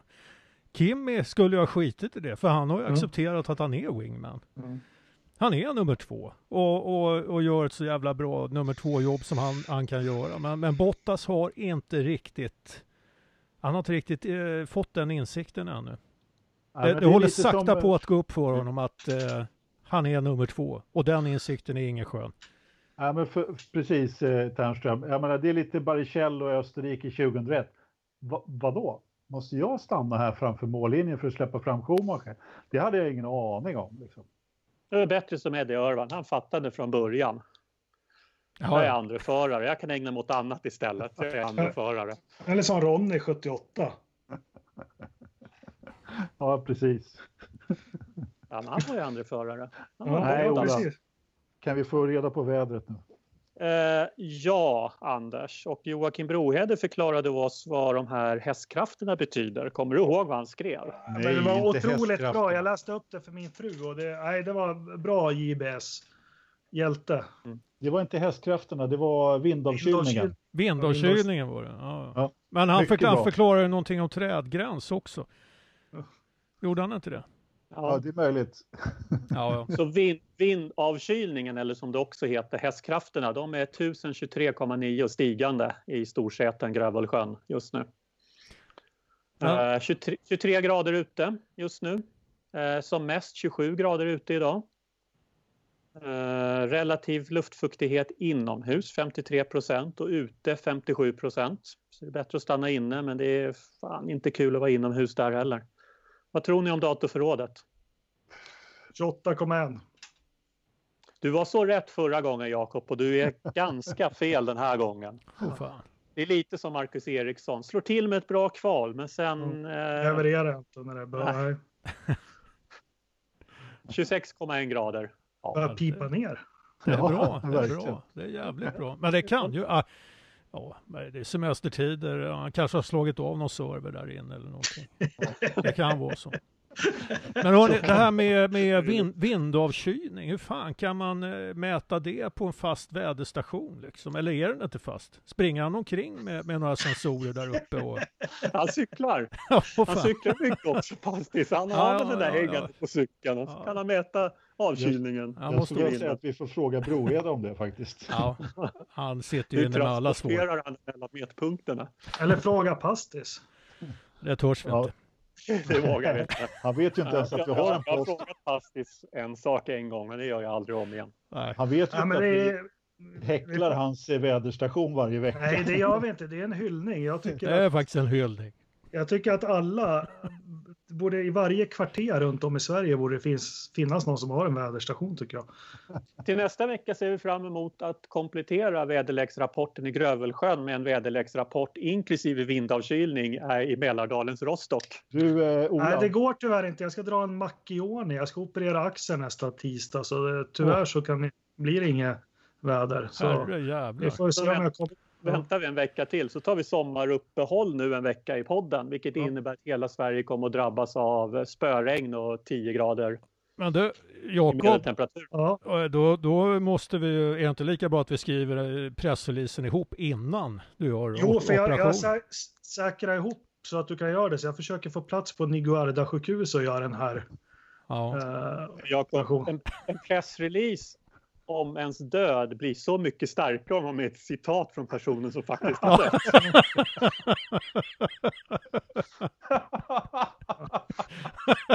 fan vad hemskt om det skulle hända något. ja, ja, men eh, herrejösses. Jag menar, vad fan. Eh, Då Nej. hoppas jag att ni drar en lans för mig och för, för Bottas då framöver om det skulle hända något.